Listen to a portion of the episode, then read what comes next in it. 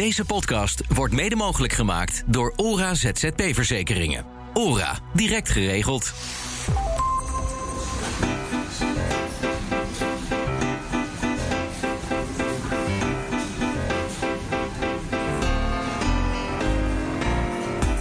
Leuk dat je luistert naar ZZP Café, de podcast voor eigen bazen. In deze aflevering gaat het over het vinden van je volgende klus. Dat is best een klus. Ik geloof gewoon niet zo heel erg in dan allemaal mensen gaan stalken en zeggen: jongens, ik zoek nog een opdracht of zo. Terwijl dat misschien voor andere mensen wel goed werkt. Je netwerk is alles. Het belangrijkste voor ons is netwerken. Uh, live, maar vooral uh, online. Dus via social media kanalen laten weten wat je doet. Uh, steeds laten weten dat je er bent. Ik ben Nina van den Dungen. Leuk dat je weer luistert. Welkom in Barbrasserie Danel in Utrecht, waar we natuurlijk altijd deze podcast opnemen. Natuurlijk is ook mijn vaste co-presentator Hugo-Jan Rutser van de partij. Goedemorgen Hugo. Goedemorgen. En er zijn uiteraard ook weer twee ZZP'ers bij ons aangeschoven. De eerste is Mijke Klaasens, ze is eigenaresse van De Schrijfstudio. Welkom Mijke, vertel even wat je zoal doet. Dankjewel. Um, nou, wij schrijven teksten. Ik zeg wij, want ik heb een schrijfstudio samen met mijn collega Christel Bekkers. Um, ja, we schrijven heel veel verschillende teksten. Dat kan zijn van een brochure tot veel webteksten natuurlijk. Mm -hmm. Maar uh, zelfs songteksten en scripts doen we. Echt waar? Uh, ja. Waarom maar... komt nou iemand bij je voor een songtekst? Ja, de, een uh, toneelgezelschap kwam bij ons voor liedteksten. Gaaf. Ja. Lijkt me wel ineens een hele andere tak van sport. Hele andere tak van sport. En ik moet eerlijk bekennen dat mijn collega daar beter in is dan ik. Maar het uh, is uh, leuk om te zien uh, hoe ze dat doet. Ja? ja. En het is dus een VOF-constructie, denk ik ja, dan, hè? Klopt. Ja. En waarom doen jullie dit met z'n tweeën? Want uiteindelijk ben je tekstschrijver, kan je ook alleen zijn. Klopt. Um, nou, toen ik het idee had om voor mezelf teksten te gaan schrijven. Um, deed ik dat eigenlijk heel lang niet, omdat ik dan alleen zou zijn. En dat sprak me niet aan, om verschillende redenen. Want je hebt niemand om mee te sparren, uh, geen collega's, vrij eenzaam. Maar ik geloof er ook oprecht in dat je in ieder geval in het vak tekstschrijven beter wordt als je uh, met elkaar naar teksten kijkt en van gedachten wisselt en op die manier je tekst beter maakt. En, ja. en zo groeien, of zo kun je groeien. Ja. En als je het steeds maar alleen doet, dan voer je steeds hetzelfde kunstje uit. Ja, er is eigenlijk niemand meer die je scherp houdt dan. Exact. Behalve hopelijk een goede opdrachtgever. Ja. Hm. ja Sanne Verra is uh, ook ZZP'er bij ons aangeschoven. Ik heb je maar even neergezet als een soort duizendpoot. want je bent uh, freelance event manager. Dus je zit in de eventsector.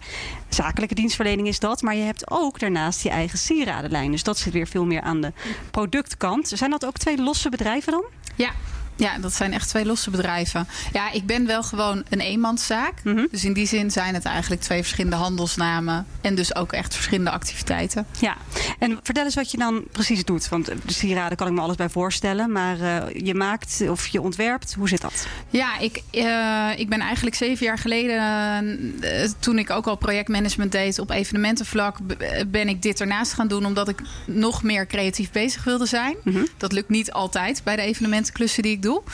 Um, en toen, ja, het is eigenlijk een beetje ontstaan. En uh, wat ik precies doe, is eigenlijk sieraden ontwerpen. Zonder dat ik dan echt aan het smeden ben, zeg maar. Ja.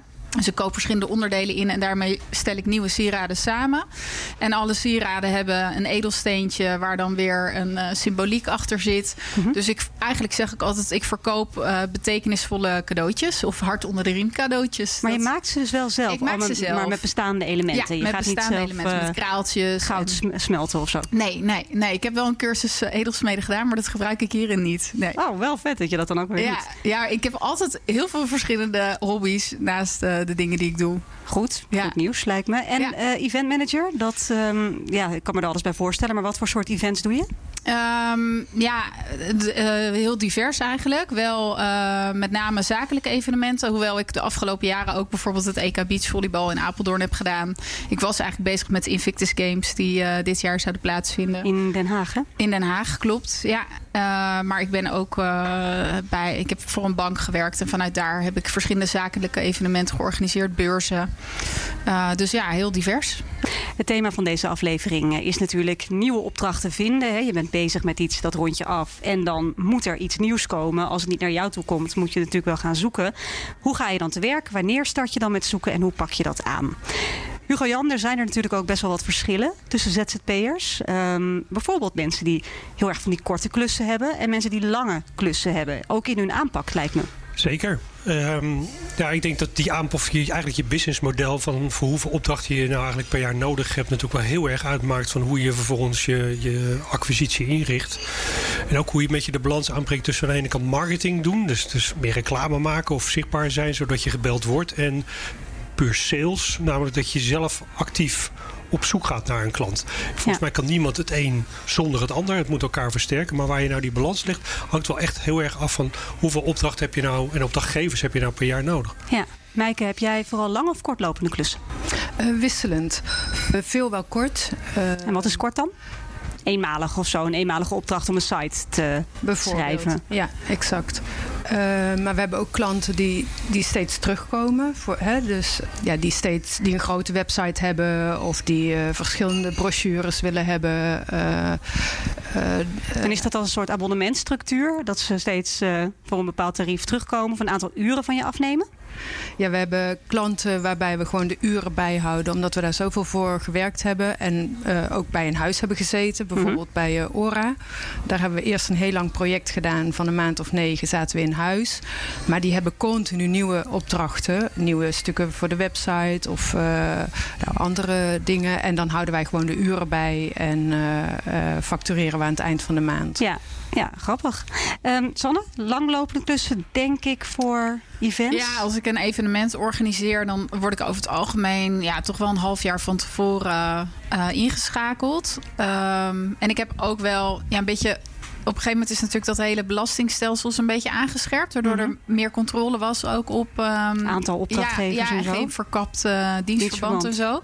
En sindsdien uh, doe ik echt wel klussen op projectbasis. En daarvoor was het ook wel eens dat ik gewoon iemand even een tijdje verving... en dus meerdere projecten voor één opdrachtgever deed. Ja, en met jouw sieradenshop heb je letterlijk klanten. Ja, hopelijk ook die vaker terugkomen. Ja. Maar dat is zeer kortlopend, denk ik dan. Klopt, ja. ja. Hugo Jan, um, wat weten we over uh, opdrachten vinden in de dienstverlenende sector en in de productsector? Ja, nou wat ik in ieder geval hier de cijfers heb, uh, is over hoeveel zelfstandige ZZP'ers nou in de een of in de andere werken. Dus ja. 16% van alle ZZP'ers moet het hebben van het verkopen van producten. 16 maar? 16. Oké. Okay. Ja, ja. Dus het is overigens in de politieke discussie wel vaak een groep die ook wel een beetje vergeten wordt. Maar ook dat zijn vaak natuurlijk ZZP'ers.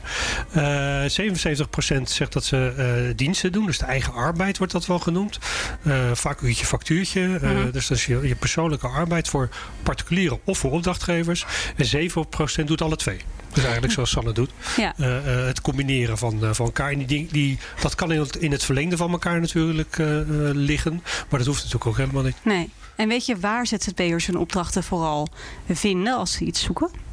Ja, nou daar heeft het uh, TNO en CBS ook onderzoek uh, naar gedaan. En dat is heel gevarieerd. Uh, maar er zitten wel een aantal interessante dingen in.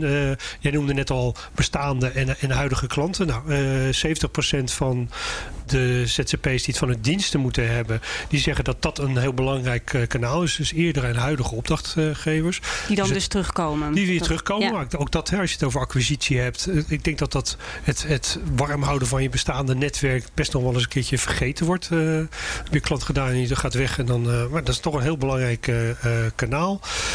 echt het directe netwerk, dus mensen die je kent, noemt driekwart als een heel belangrijk kanaal. Eigen website, toch ook bijna 40%. Social media een kwart. En, en net geen 7% noemt digitale platformen. Nou, daar hebben we het best wel heel veel over.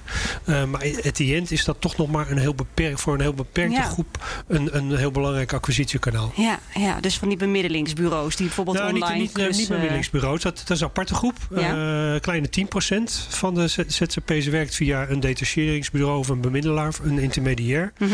Ehm, En die online platform is weer wat anders. de online platform, dan moet je aan de Ubers denken of freelance.nl of eh, Planet Interim. Dus dat- Werkspot.nl. Werkspot, Ja. eh, dat, dat, soort, eh, dat soort websites. Oké, Ehm, dan gaan we even kijken hoeveel moeite jullie hier aan tafel moeten doen voor het vinden van een nieuwe klus. Ehm, Sanne, eh, ja, ik kan me voorstellen in coronatijd, dat is het nu op het moment dat we deze podcast opnemen, Ja. dat de eventsector jou niks te bieden heeft. Nee, nee, ja, heel schaars. Ehm, het enige wat er nog af en toe een beetje oppopt zijn er meer online evenementen. Die, eh, ja, dat trekt natuurlijk wel een beetje aan. Maar dat vraagt ook wel weer een hele andere expertise. Dus eh, Ja. ja. dat, dat moet ook bij je passen. Je bent bijna meer tv-productie aan het doen dan dat je een evenement aan het organiseren Ja. bent. Ja. Hoe moeilijk is het normaal gesproken voor jou om nieuwe klussen te vinden? Even los van de coronacrisis. Ehm, ja, ik vind het zelf niet zo heel moeilijk. Ik, op de een of andere manier ehm, weten ja, opdrachtgevers me inmiddels wel te vinden. Dus ik moet het juist heel erg hebben van ehm, ja, mijn warme contacten. Ik heb denk ik echt nog nooit een opdracht binnengehaald door ochtenden achter elkaar op internet te zoeken naar opdrachten. Nee, nee. Nee. maar ja, je bent ooit begonnen met je eerste klus. Ja. Hoe kwam je daarbij? Ja, mijn eerste klus is eigenlijk ook via via gegaan. Ik heb eh, daarvoor heb ik, eh, voordat ik begon met ZZP, heb ik twee jaar eh, in dienstverband gewerkt. Voor een groot biermerk. En ehm, daar heb ik wel aardig wat contacten op gedaan. Mhm. En heb ik blijkbaar mijn werk goed gedaan. Dus eh, ja, daar kwam eigenlijk wel vrij snel een eerste klus uit. Maar ik heb ook wel periodes gehad dat ik even gewoon eh, twee, drie maanden niks had. En dat zijn dus ook de momenten geweest dat ik en met die sieraden webshop ben begonnen. En ik ben nog eh, een tijdje image consultant geweest. En dus ik heb nog allemaal verschillende dingetjes altijd ernaast gedaan. Om in ieder geval lekker bezig te blijven. En ja, weet je, een beetje in een goede vibe te blijven. Je zegt, ik, ik ga niet eh, eh, ochtend en achter elkaar lopen zoeken naar een opdracht. Maar bel jij wel in je netwerk? Of wacht jij toch uiteindelijk tot je gebeld wordt in het vertrouwen van... ik ben bekend in het vak wat ik doe en ze vinden me wel. Ja, eigenlijk meer dat laatste. En dat wil niet zeggen dat ik helemaal niks doe. Maar ik probeer het heel erg op een natuurlijke manier te doen. Dus ehm, ja, als er iemand, een oude opdrachtgever in mijn hoofd oppopt. of ik zie hem voorbij komen op LinkedIn. dan probeer ik vooral te reageren op eh, ja, de, dingen die op dat moment actueel zijn. Dus als ik zie dat diegene een nieuwe baan heeft. dan feliciteer ik hem daarmee. En dan vraag ik even hoe het gaat. En dan ontstaat er weer een gesprek. En dan ben je toch weer even top of mind bij dat soort mensen. Dus ik denk dat dat, dat een beetje mijn strategie is. En verder vooral in de tussentijd, als je geen opdracht hebt, ehm, ja, niet gaan lopen stressen. Nou ja, uiteindelijk moet er wel brood op de plank. Ja. Dus ik, ik Ja. kan me best voorstellen dat als jij twee, drie maanden geen klus hebt, dat Ja. dat niet zo lekker zit. Ja, bij mij is het altijd goed gekomen. Ja. Ja, maar het dus is dus niet dat je altijd de dag nadat je een klus afrondt, eigenlijk alweer de volgende hebt. Dat, Nee, dat is echt niet altijd Eigenlijk zo. bijna nooit. Hm. Bijna nooit. Het is echt eh, een enkele keer zo dat ik, eh, ja, dat ik tijdens een opdracht alweer weet wat ik hierna ga doen. Maar dat is ook voor mij vrijheid. Dat is ook voor mij de vrijheid van het ZZP'en. Ja. En waar andere mensen denken, oeh, onzekerheid. Denk ik, eh, ja, lekker, vrijheid. Ik weet nog niet wat ik over een half jaar ga doen. Dat zie ik dan wel weer. Ja, Dus, ja. Nou ja, Ja. heel herkenbaar. Meike, jouw eerste opdracht, kun je je die nog herinneren? Eh, ja, zeker kan ik me die herinneren. Wanneer was Ja. dit? Eh, bijna vier jaar geleden. Ja, helemaal happy dat de eerste opdracht er was. En eh, eh, blij. En eh, Maar er ging ook iets mis, begrijp Ja. ik. er ging ook iets mis. Want eh, wij hadden de teksten geschreven. Voor een website was het. Maar er werd niet betaald. En eh, achteraf, eh, lang verhaal kort hoor, bleek het een opdrachtgever te zijn. En ehm, hadden wij ook best wel de signalen op kunnen pikken. Maar wij zaten vooral in de euforie van de eerste klus. Maar het was een, eh, je zegt een opdrachtgever, een oplichter, bedoel je? ja. Welke signalen heb je genegeerd dan? Ja, achteraf de mail die we kregen. Ja, zat zo vol spelfouten, wat natuurlijk kan hoor, maar was bijna kinderlijk eh, taalgebruik. Echt eh, heel, heel verkeerd. De website waar het om ging, ehm, daar kon je wel aan zien dat die niet af was of niet functioneerde. Of eh, hij vroeg meteen om korting ja, voordat we elkaar gesproken hadden. Hmm. Nou, zo waren er eigenlijk signalen die misschien stuk voor stuk niet allemaal heel alarmerend zijn, maar het totaal wel. En waar wij nu zeker wel scherper zouden worden als zoiets zou gebeuren. Maar toen, Het was de eerste opdracht. Ja. Weet jij hoe hij bij jullie kwam? Want jullie hadden Ja. dan denk ik een site. Ja, aan. hadden een, eh, ons logo laten ontwikkelen door iemand. En deze persoon die de eerste opdracht aan ons eh, uitbesteedde... eh, had daar ook zijn logo of iets dergelijks laten Ah. ontwikkelen. En had gevraagd aan de ontwerper... ken jij nog een tekstschrijver? Ja, en zo kwam iemand Ja. bij je uit. Ja. Maar dat was dus eigenlijk, je bent gevonden op die manier. Ja, En je had meteen pech. Ja. ja. heeft ons wel op scherp gezet. Sanne, jij wel eens zoiets meegemaakt? Nou, niet in die zin dat ik echt ben opgelicht, gelukkig. Maar mijn eerste opdracht was wel eh, redelijk eh, dramatisch. Het was toch niet Ook. van jouw oude werkgever dan? Die bierbrouwer? Nee, nee, nee, nee, nee, nee. Dat was, het was dus wel via een bekende daar. Ik deed voor een klein marketingbureau een opdracht. En eh, ik moest met een promotieteam moest ik op pad langs verschillende steden. En ehm, nou, ik geloof dat op dag twee eh, stond ik stil op de linkerbaan van de A2. Omdat de bus die we hadden gehuurd er opeens mee ophield. Nadat we in, in een file weer door wilden rijden. Ja. Dus toen stonden we daar met de, met de hele bus. En eh, ik geloof twee dagen later werd de complete bus leeggejat. eh toen we in Rotterdam eh, voor dat evenement, ja, we- weet je wel, weer ergens ter plaatse waren. ja. Dus toen is er wel discussie natuurlijk ontstaan over in hoeverre ik daar dan voor aansprakelijk was, bijvoorbeeld. Oh, shit. Ja, dat was wel meteen Was je dat?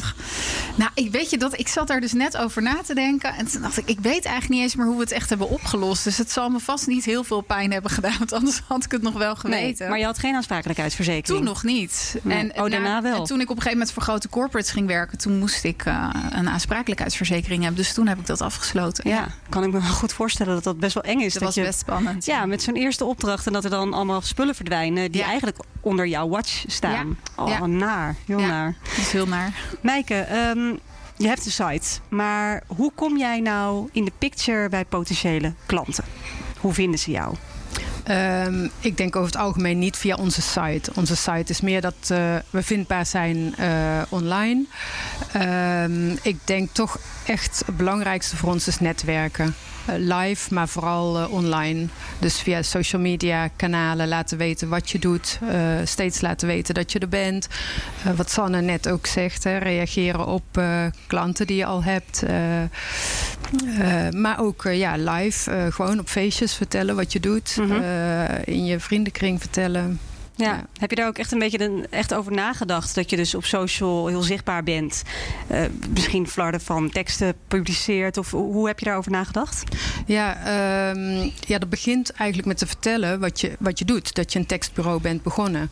En ehm, ja, wij hebben ook het geluk gehad dat toen de opdrachten vrijwel direct kwamen. We hebben er wel over nagedacht. We hebben, eh, eh, onze expertise is eh, schrijven op taalniveau B1, dat is begrijpelijke taal. Mhm. Dat we daarin een keuze hebben gemaakt. Want dan kun je je ook profileren Ja. online. En ja, hè, wij denken dat dat belangrijk is. En veel mensen zoeken daar ook op.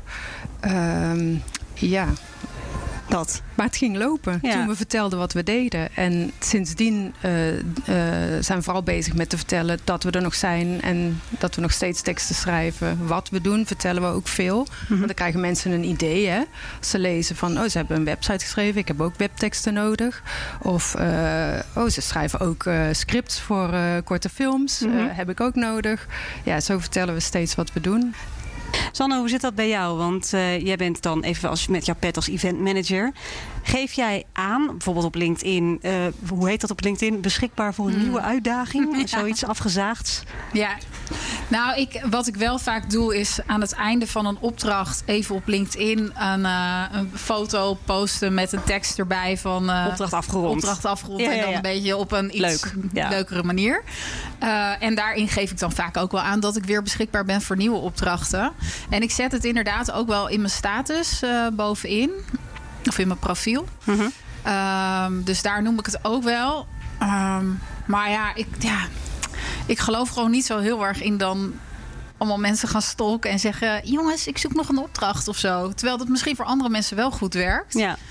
Ehm, Maar hoe vergroot jij je netwerk? Want kijk, dat je een, een bestaand netwerk behoudt en dus warm houdt door te reageren en af en toe eens even contact op te nemen, dat is, kan eigenlijk iedereen wel. Maar uiteindelijk wil je misschien ook vergroten om bij meer mensen in de picture te komen. Ja, nou ja, ik, ik sowieso natuurlijk elke op. Ik, ik werk ook af en toe via eh, tussenpartijen. Dus dat werd net al even besproken van een soort eh, bemiddelingsbureau. bureau. Ik Mhm. heb een aantal opdrachten heb ik via bemiddelingsbureaus gekregen. Dus dat is natuurlijk een manier om mijn netwerk te vergroten. Als ik dan vervolgens een opdracht voor zo'n bedrijf doe, dan leer ik daar natuurlijk ook weer allemaal nieuwe mensen kennen. Dus die, eh, die, daar link ik dan ook weer mee op LinkedIn en zo. Dus, dus dat is sowieso wel. Best wel slim dus, Ja. misschien om een keer zo'n bemiddelingsbureau in te zetten. Jawel, ja, Gaat dat ja. wel af van jouw tarief of werkt dat niet zo?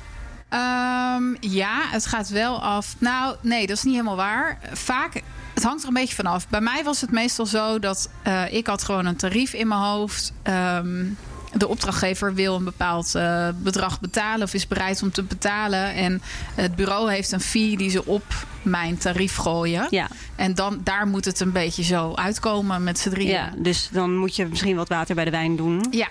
Ja. Dat kan. Ja, over het algemeen zit ik bij een bemiddelingsbureau wel vaak voor een ietsje lager tarief dan wanneer ik rechtstreeks word ingehuurd. Ja. Ik vind, ik- dat hoeft ook niet zo heel gek te zijn hoor, vind ik. Nee. Want, want zo'n bureau doet acquisitie. En ik, maar ik denk dat je misschien wel een dag in de week eigenlijk aan acquisitie zou moeten besteden. En aan marketing. eh, Misschien wel.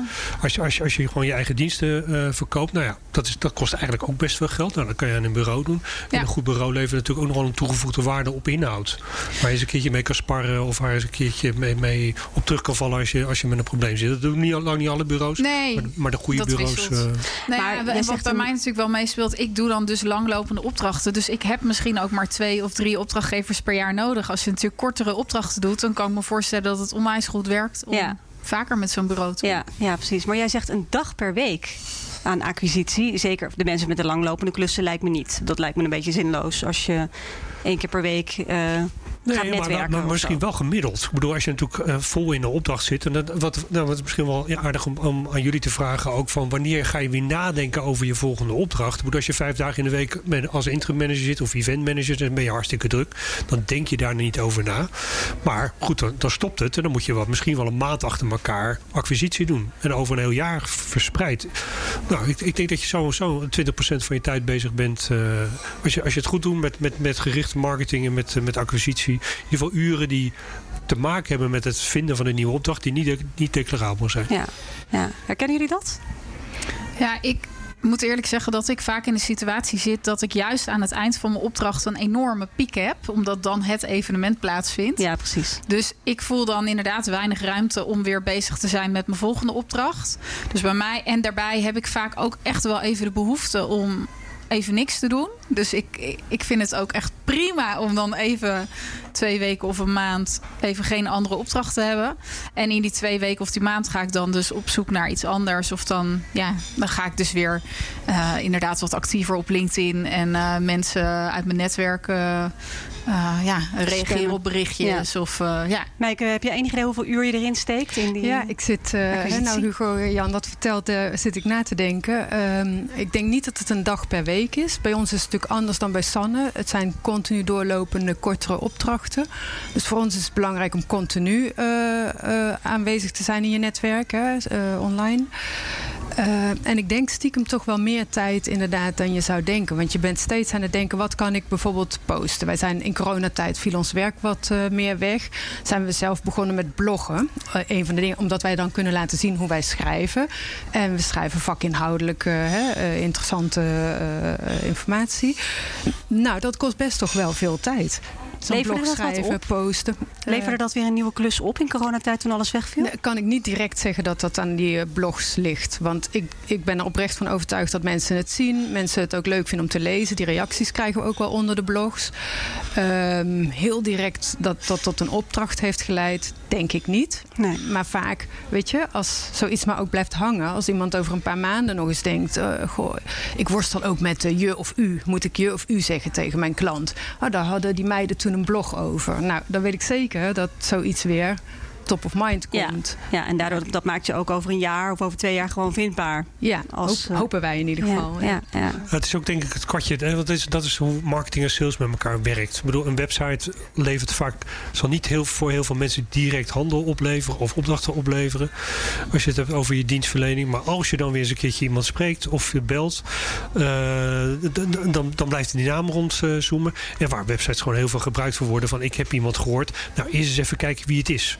Voordat ik het contact leg. Ja. precies. En dan, dan is het bewijs. En dan moet je website er wel goed eh, netjes uitzien. En, En je LinkedIn-profiel moet goed. eh, ja, Ja, je moet echt ja. vindbaar zijn. Hè? Ja. Dat is volgens mij eh, stap 1 voor elke ZZP'er nu. Als je online niet vindbaar bent, dan is het eigenlijk een beetje raar, toch? Dan gaan er wat alarmbellen af. Ja. Nee, absoluut. En, en wat jij zegt van een dag in de week eigenlijk aan je bedrijf werken, dat herken ik wel als ik natuurlijk kijk naar mijn webshop. Daar, met, naar mijn sieradenmerk, daar ben ik wel, denk ik, een dag in de week bezig met social media posts Marketing maken. is het dan, hè? Want dat is ja, geen acquisitie meer dat jij jezelf eh, aanbiedt, maar je Nee. biedt je product aan. Precies, ja. En daar zit je dus heel, heel veel voor op, eh, op Nou social. ja, de, ja, ja, eigenlijk wel. Sinds mei heb ik de webshop weer ehm, in de lucht gebracht. En eh, ja, ik probeer er wel heel consequent. eh, in ieder geval op, op Instagram bijvoorbeeld. is een platform wat dan bij mijn doelgroep eh, aanspreekt. Om daar wel echt heel zichtbaar te zijn. Ja, en zie je dat ook meteen terug in resultaat dat daarop de klanten komen? Ja. Ja, ik kan gewoon zien via Google Analytics hoe mijn klanten op mijn website binnenkomen. En dat is inderdaad merendeel social. Ja. Heb Ja. jij dat ook, eh, Meike? Google. Analytics heb je dat nog nooit geraadpleegd? Eh, Kan. eh, eh, niet voor de schrijfstudio, wel eh, in banen waar ik in loondienst was. En eh, toevallig een tijdje geleden, toen we begonnen zijn met dat bloggen, hebben we elkaar aangekeken van "Hmm, we zouden eigenlijk eens moeten meten hoeveel eh, traffic erop komt. Nog niet gerealiseerd. Nee. Nee. Nou ja, goede tip natuurlijk. Hugo Jan, nou zei Sanne net al van dat, dat koud acquisitie voeren, hè, koud proberen mensen te bellen. Dat voelt heel tegennatuurlijk. Het past niet bij mij, bij anderen misschien wel. Waar zit dat hem in dat dat voor veel mensen zo'n drempel is om ja, misschien ergens aan te kloppen en te zeggen: hé, hey, dit ben ik, ik kan dit en volgens mij kun jij dat gebruiken. Ja, het, het- het- volgens mij is het ook gewoon. Het moet ook wel echt wel een beetje bij je passen. Want anders komt het ook gewoon niet lekker je strot uit. En dat, dat moet natuurlijk ook wel een beetje doen. En ik denk dat we ook wel een beetje. Ik had er vanochtend ook weer zo eentje aan de telefoon. Ook wel gek worden natuurlijk van de telemarketeers die van alles doen. En e- eigenlijk doe je natuurlijk een beetje hetzelfde. Eh, dus ook dat levert denk ik wel een boel eh, eh, aversie op. Ja, Waar, waar, waar het wel van belang is, denk ik, om, om blauwe acquisitie te doen. Dus, dus misschien niet koud. Niet, niet, ik, ik ben ook nog opgeleid eh, en dan kregen we gewoon de, de, de, hoe heet het, de gouden gids en gingen we gewoon bellen. ja. Maar dan heb ik het over, over eh, lang geleden. 100 jaar geleden. Nou ja, zo bijna. Ehm, maar er is ook iets als lauwe acquisitie. Dus, dus mensen die je misschien eh Via via kent. één cirkel buiten je zitten. Ja, ja. Waar je wat van ziet. En, en gebruik nou een, iemand uit je eerste cirkel om in contact te komen met iemand in die tweede cirkel. ja. En weet wat daar speelt. En, en niet bellen van heb je mij nodig, maar bel met een probleem waarvan je weet dat ze zitten en, eh, en bied iets aan wat dat kan oplossen. Dan Ja. moet je hier wel een beetje in gaan verdiepen. Ehm, Dus je kijkt niet naar jezelf. Eigenlijk wat Marijke in de vorige aflevering zei. Je kijkt heel erg naar de waarde die je toevoegt voor je potentiële klant. ja, en een probleem, het probleem, Een probleem wat je oplost. Ja, ja, maar dan moet je wel weten wat het probleem is en, en, en wie het probleemeigenaar is. Nou, dat is, dat is een, soort, ja, een stukje research van tevoren. En, en dan, dan voelt het al veel minder koud aan, denk ik. Ja, Want ga je iemand helpen. Ja. We sluiten af met een eh, tip van jullie. doen we altijd van de twee mensen bij ons aan tafel om een tip voor, voor mij en voor de andere ZZP'ers die luisteren. Als het gaat om het vinden van nieuwe klussen. Ik ben gewoon benieuwd wat jouw beste tip is, Meike, die je mensen zou willen meegeven. Ja, eh, onderschat de waarde van je netwerk niet. Want je hebt niet alleen je eigen netwerk, zeker online. Het gaat als een soort olievlek eh, over eh, de sociale media heen. Want mensen die op jou reageren hebben ook weer een netwerk. Waar, hè, de men- hun, hun netwerk ziet ook jouw post weer. Dus het is denk ik heel krachtig. En eh, ja, laat, eh, laat, zien wat je doet. Wat je doet. Online Ja. vooral dus. Ja. ja. Sanne. Ja, ik, het sluit wel een beetje aan op wat Maaike zegt. Maar ik zou zeggen, eh, eh, zorg, gewoon, zorg vooral dat je dicht bij jezelf blijft. Dat klinkt altijd weer een beetje zelf. hè. Maar eh, wat ik daarmee bedoel is dat het heel belangrijk is om ook ehm, naar je netwerk toe een beetje uit te stralen wie je bent. En ik, ja, nogmaals, ik geloof dus niet zo heel erg in die koude acquisitie.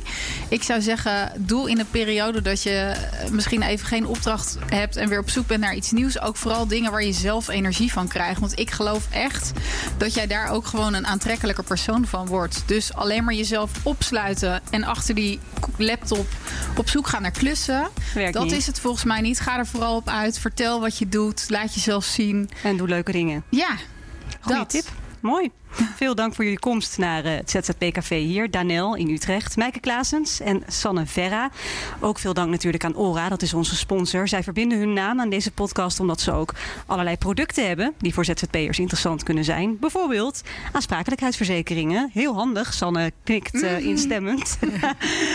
Kijk daarvoor even op ora.nl slash zzp. Hugo Jan, ik zie jou volgende week denk ik hè, voor aflevering 5 alweer. Zeker gaan we het over uh, ontwikkelen en ZZP'ers hebben. En dat is altijd wel een heel interessant onderwerp. Want ik hoor heel veel ZZP'ers hebben het of te druk om te ontwikkelen. Doen ze het niet, uh, geen cursussen. Of ze zitten zonder opdracht en denken nou wacht maar eventjes met geld uitgeven. Ja, ik heb geen geld om dat ja. te doen nu. Nou, die balans daarin vinden, daar gaan we het uh, volgende week over ja, hebben. En of het altijd geld moet kosten. Want dat hoeft niet hè. Het kan Zeker ook gratis nee. jezelf ontwikkelen. Ja. Mooi onderwerp dus. Dat volgende keer. Ik ben Nina van den Dungen en hopelijk tot de volgende keer.